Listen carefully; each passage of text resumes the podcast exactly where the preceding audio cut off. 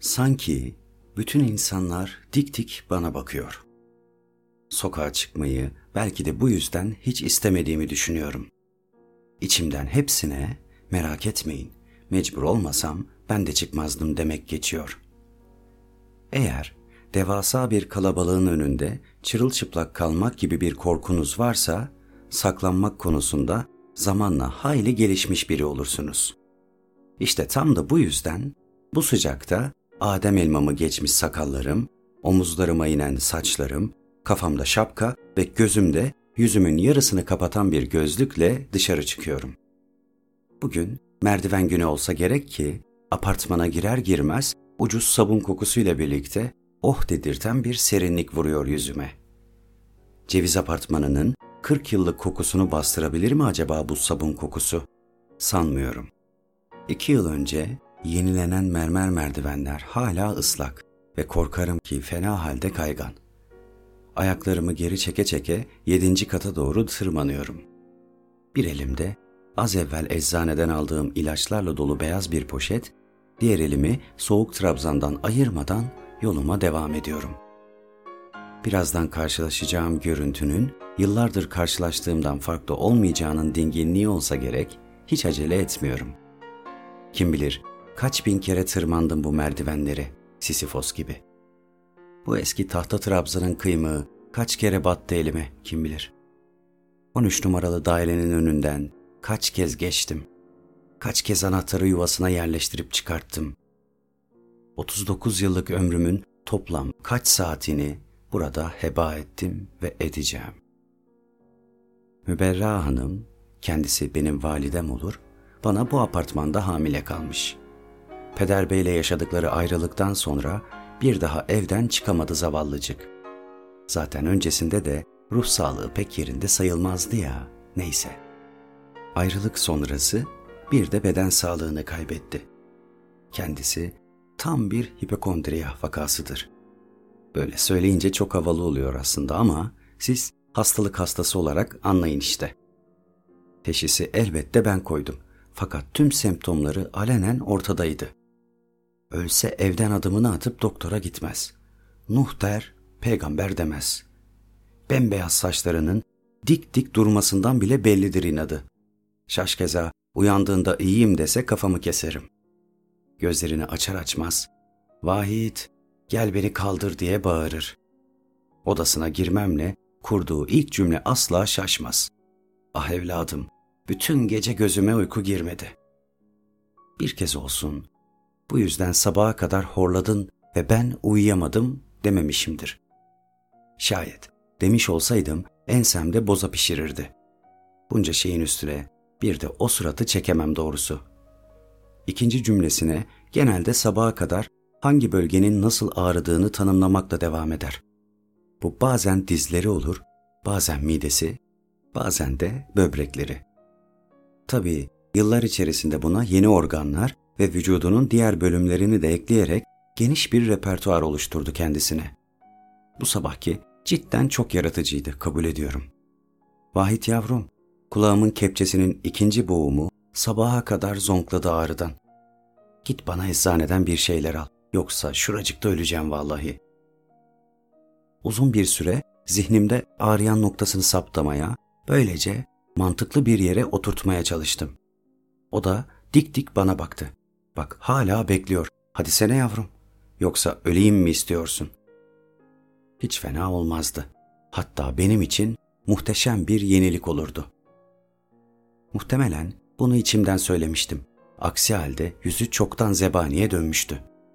Kendimi toparlayıp sürüne sürüne odama geçtim. O kadar işim varken şimdi onca zaman kaybedecektim. Hem hava cehennem gibiydi. Gözün yiyorsa çık. Bir de bugünün cumartesi olduğunu hesaba katarsak al sana çifte kavrulmuş eziyet. Nöbetçi eczanelere baktım. Yürüyerek gitmek için epey uzaktı. Ama başka şansım da yoktu.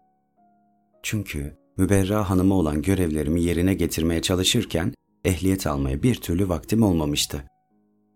Benim asıl derdim de bu değil miydi zaten? Yapmak zorunda olduğum şeyler yüzünden asıl yapmak istediklerimi yapamamış olmak. Annemin hayatındaki tek insandım ve onun bakımını üstlenmek zorundaydım. İlkokuldan sonra hep dışarıdan okudum. Aslında içeriden desem daha doğru olur. Hem bedenen hem de zihnen hasta bir kadını tek başına mı bıraksaydım? Neyse ki okulları bitirmek benim için çocuk oyuncağıydı. İki yaşımda okumaya başlamış, üç yaşında onlarca kitap okumuş, dört yaşında şu an konuştuğum yedi dilden ilkini konuşur hale gelmiş olmanın bunda katkısı büyüktü tabii. Yine de insan içine karışabilmiş, üniversiteyi de başka bir şehirde okuyabilmiş olmayı isterdim sanırım. Gerçi zorunluluklarım vardı benim. Yıllardır üzerinde çalıştığım kitaplarım var.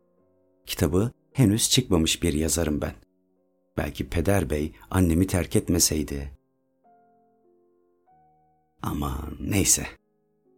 El mecbur çıkmam gerekiyordu ve çıktım. Eczaneye ulaşmam takriben bir saat sürdü. Bunu yaparken yedi sokak, iki kapalı eczane, beş hınca hınç dolu kafeterya, yedi tane bir milyoncu ve 42 de elektrik direği geçtim. Sayılarla aram iyidir. Bir şeyleri sayarken daha sakin hissederim kendimi. Mesela şu an 38 basamağı geride bıraktım ve 6. kata varmama 10 basamak kaldı.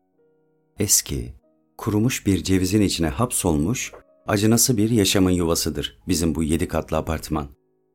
Sakinleri bile tam 40 yıldır değişmedi. Tabi öte diyara göçüp kurtulanlar müstesna.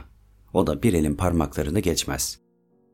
Teması ölümsüzlük olan bir laneti vardır buranın. Şeytanla anlaşma yapmak gibi bir şey. Ceviz apartmanı size ruhunuz karşılığında ölümsüzlüğü vaat eder. Ruhunuzu alıp her günü, her anı aynı olan bir mengenenin içinde ölesiye sıkıştırır ama ölmenize de asla izin vermez. Taşınıp kurtulamıyorsunuz. Satıp başınızdan atamıyorsunuz da. Yalnızca olur da ölebilmenin bir yolunu bulabilirseniz o vakit ruhunuz huzura kavuşuyor. Altıncı kata bir basamak kala daire 11'den gelen bangır bangır müzik sesi tüm katı inletiyor. Tomris Hanım yine Jimi Hendrix dinliyor. Biricik kocası Osman amca kendini pencereden attığından beri aynı saatte aynı şeyi yapıyor. Tomris Hanım. Osman amcanın son zamanlarda aklı bir gidip bir gelir olmuştu. Zamanında çok müteber bir yazar olduğunu duymuştum valideden. Rumuz olarak oğlunun adını kullanırmış. Mahir Çağan. Daha ben küçükken oğlunu almış polisler bir gece. Bir daha da vermemişler. Tüm kitaplarını toplatmış piyasadan. Bir daha da yazmamış. Arada bizim kapıyı çalıp bir gün seni kurtaracağım evlat derdi. Ölsem de kurtaracağım. Hapiste ölen oğlu sanırmış meğer beni. Annemse oğluna değil de bizzat Osman amcanın kendisine benzediğimi söylerdi. Ne alakaysa. Bence altıncı kattan atlarken bu ilahi komedyadan kurtulduğu için mutluydu. Onu ağır çekim düşerken hayal ederdim hep. Sırtını kaldırıma, yüzünü az önce atladığı açık pencereye dönmüş, uzun saçları kafasının ortası dolunay gibi parlaktı ama kelliğine inat yanda kalan saçlarını uzatmıştı. Havalanırken orta parmağını ihtişamla ceviz apartmanına gösteriyor ve zaferle gülümsüyor. Atlayışına şahit olmamıştım fakat olsam onu tam da böyle görürdüm. Yedinci kata sekiz merdiven kalmış olmalı. Bizim dairenin ağır rutubet kokusu burnuma ulaştı bile. Bu kokuyu bir kez deneyimleyen aklından mümkün değil çıkaramaz. Alt notalarda birkaç gün ıslak beklemiş çamaşır, orta notalarda sidik ve üst notalarda Bodrum mandalinası ağır basan sofistike bir koku. 13 numaralı dairenin önünde durup bu ekşi kokuyu içime çekerim. Öyle ya, eve dayanabilmek için önce bu kokuya alışmalı insan. Ola ki koku sınavını geçemezse zaten bu evde 5 dakikadan fazla duramaz. Çünkü içeri girdiği anda karşılaşacağı manzara büyük ihtimalle onu kokudan daha fazla dehşet içinde bırakacaktır. Üzerinde yıpranmış bir ayıcık, sallanan anahtarı ağır ağır sokuyorum kilide. Üç kez sağa çevirip bir kez de omuz attım mı tamamdır. Aksi halde inatçı kapı kendini asla açtırmaz. Ben geldim. Sanki başka gelen oluyormuş gibi. Eve şöyle bir yabancı gözüyle bakıyorum da Gerçekten durumumuz vahim görünüyor gözüme. Yıllardır boyasızlıktan solmuş duvarlar boyunca uzanan koridor, 328.574 gazeteden oluşan 1650 adet tomarla dolu. Üst üste istiflenmiş, her 200 gazete naylon ipliklerle gruplanarak bağlanmış. Bunları biliyorum. Çünkü annem için hayati önem taşıyorlar. Peder Bey gittiğinden beri eve gelen hiçbir gazeteyi atmadık. Ben de kolaylık olsun diye bu aritmetik sistemi oluşturdum. Aslında bunlardan kurtulmam gerek ama vicdan yapıyorum işte. Valide üzülecek diye bu tıklım tıkış evde parmak ucunda yürüyorum. Gazete koridorundan geçtikten sonra üst üste dizilmiş cam kavanozdağı ile karşılaşıyorum. Son saydığımda 2375 taneydiler. Eve gelen hiçbir cam kavanoz atılmaz. İçinde mısır, turşu, salça ya da her ne varsa bittikten sonra şöyle bir durulanıp kavanoz dağındaki yerini alır. Seviyor kadın biriktirmeyi, ne yapayım? 30 yıl önce tek tipti bu kavanozlar. Sonra zamanlarda şekil şekil oldular. O yüzden üst üste dizmesi de epey zorlaştı. Bir tek bunlar olsa iyi. Valide ayıptır söylemesi çöpleri bile attırmaz. Evin orijinal kokusundaki bodrum mandalinası tonları işte hep bu çöpler yüzünden. Validenin en sevdiği kolonya olur kendileri. Her ay toplu sipariş veririm internetten. Çöp kokusunu başka türlü bastırmam mümkün değil. Aslında yaşanacak ev değil bizimkisi. Ara sıra valideyi karşıma alıp, güzel anacım olmaz böyle. Gel şu evi temizletelim. Hatta satalım gitsin demek geçiyor içimden ama olmuyor işte. Aslında dokuz gün önce bir adam geldi. Kendisi müteahhitmiş. Kat karşılığı iki daire vereyim size. Gelin satın burayı bana. Çok eski, yıkılacak bina. En modern sitelerden birini kuracağım buraya. Tabi siz de kabul ederseniz dedi. Güya herkes kabul etmiş, bir biz kalmışız. İnanmam. Ceviz apartmanı değişime direnir, hem de tüm sakinleriyle birlikte. Bana laf düşmezdi. Valideye baktım. Hüzünle gözlerime bakıyor. Yalvarır gibi. Sanki gözleriyle kov şu adamı diyor. Kovdum tabii. Sonrasında lafı açılmadı ama validenin yüzü de bir türlü düzelmedi o günden beri. Burası da validemin odası olur. Evin en aydınlık yeri. Keten perdelerini pek sever. Haftada bir yıkar. Ütüler, kolalar. Fazla eşya yoktur odasında. Eski ferforje bir yatak, iki gözlü bir gardırop, antika abanoz bir makyaj masası, yeşil kadife bir berjer ve Junghans marka sarkaçlı bir duvar saati. Her saat başı içinden guguklu bir kuş çıkıp o anki zamana tekabül eden sayıda sinir bozucu bir şekilde ötenlerden. Müberra Hanım odasında değil. Şaşılacak şey. Salondan bir erkek sesi geliyor sanki. Yaklaştıkça konuşanın geçenlerde gelen müteahhit olduğunu anlıyorum. Valide üzeri pet şişelerle dolu yemek masasının baş köşesine geçmiş. Adamsa hemen bitişiğinde ayakta duruyor. Yüzünün yarısını kapatan medikal bir maske takmış olmasına rağmen kokudan rahatsız olduğu her halinden belli. Bir yandan konuşuyor, bir yandan da şaşkınlıktan iki kat büyümüş gözleriyle evi saran istif yığınlarına bakıyor. Acelesi var gibi. Ayak topuğunu yere vuruyor. Her vuruşunda kocaman yağlı göbeği sallanıyor. Masanın üzerinde kalın bir dosya var. Adam bir imzada buraya müberra teyzecim diyor. Annem imza atıyor. İrkiliyorum. Omuzlarımın dış kenarları kasılıyor. Gözlerim istemsiz açılıp kapanıyor. Dışarıdaki ateş şimdi içimi basıyor. Korkunun insandaki kimyasal etkisini bilir misiniz? Kan basıncı artar ve göz bebekleri büyür. Adrenalin yüklü kan gergin kaslara dolarken yüz dolar, ağız kurur. Evrim sürecinde tasarlandığı üzere beyin otonom sinir sistemini devreye sokar. Hayatımızın tehlikeye düştüğünü hissettiğimiz anda sinir sistemimiz inanılmaz derecede harekete geçer. Tıpkı şu anda bana olanlar gibi. Demek ki içgüdülerime göre hayatım tehlikede. Zihnim hemen bir çıkarımda bulunuyor. Valide evimizi satıyor. Vahitçim, evladım sakin ol emi. Müberra Hanım Bana korkulu ve endişeli gözlerle bakıyor. Adam da öyle. Vahit Bey, anneniz beni arayıp daire satışına onay verdiğini söyledi. Ben de evrakları getirdim. Müberra Hanım, ürkek ve kararlı bana yaklaşıyor. Oğlum, yetmez mi böyle yaşadığımız? Biriktirdiğim bunca şeye artık dayanacak gücüm kalmadı. Ömrümün sonunu bırak da ferah ve temiz bir evde huzur içinde geçireyim. Ne yani? Ev benim yüzümden mi bu halde? Gazeteler önemlidir. Geçmişin arşivi bunlar. Kavanozlar da önemlidir. Belki bir gün turşu yapmak istersin ya da kışlık domates. Hem kalemlik olarak da kullanabilirsin. Birçok işe yarayabilir.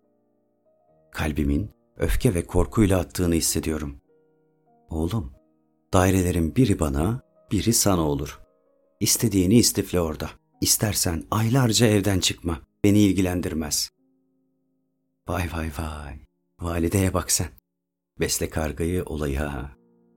Şimdi beni yalnız bırakıp başka bir evde yaşayacak öyle mi? Bensiz, beni yapayalnız ve çırılçıplak bırakacak. Ömrümü verdim ben ona. Oysa ilk fırsatta atıyor beni. Zamanında pederin yaptığı gibi. Ellerim titriyor. Kelimeler dilime dolaşıyor. İçimdeki panik tüm bedenimi sarıyor. Korku durumunda iki karşı tepki açığa çıkar. Kork, kaç. Panik veya kork. Savaş, öfke.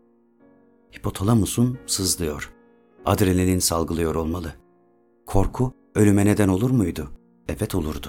Çünkü canlı organizma bir tehditle karşılaştığında vücut bilinçsiz tepkiler verir. Anneciğim, bunca eşyayı nasıl bırakırsın? Bak bu küçük reçel kapları 30 yıllık. Tamı tamına 12.398 adet.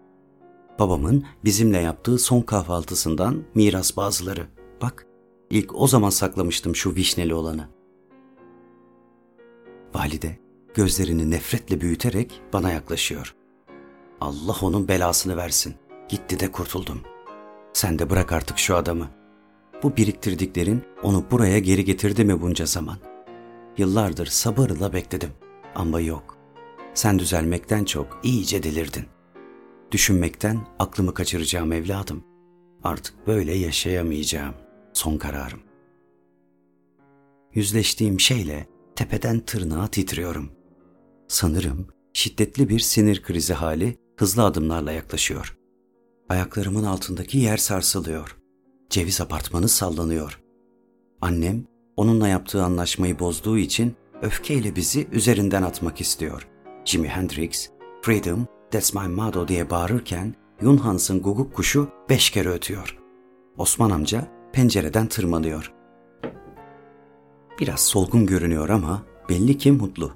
Bana orta parmağını gösteriyor. Sonra kendini çıktığı camdan tekrar bırakıyor sokağa doğru. Yüzü bana dönük.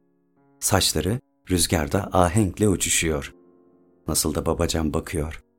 Pencereden belime kadar sarkıyorum. Hadi gel oğlum diyor. Hayat bizim gibi hassas ruhlar için bir işkence. Bırakıyorum kendimi pencereden. İlk defa özgür hissediyorum.